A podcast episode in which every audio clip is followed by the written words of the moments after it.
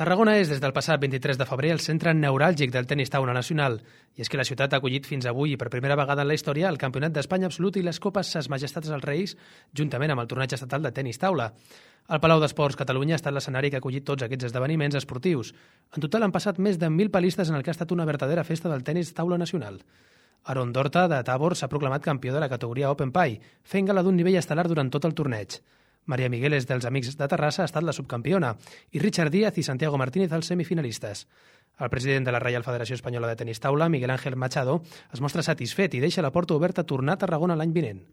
Eh, estamos muy contentos de, del desarrollo de, de, la competición en general y, y, así nos lo han trasladado ¿no? la mayoría de los deportistas y de, y de los clubes. ¿no? Creo que hemos dado una, una gran imagen y desde la federación pues bueno pues estamos muy contentos de estar en Tarragona o de haber estado en Tarragona durante estos 10 días y de, y de poder volver el año, el año que viene si es posible ¿no? Tarragona i la Federació de Tenis Taula ja treballen per tornar a portar l'esdeveniment a la ciutat. L'experiència ha estat positiva per a les dues parts, però segons el propi Machado, encara s'ha d'analitzar l'impacte del torneig al territori abans de prendre cap decisió.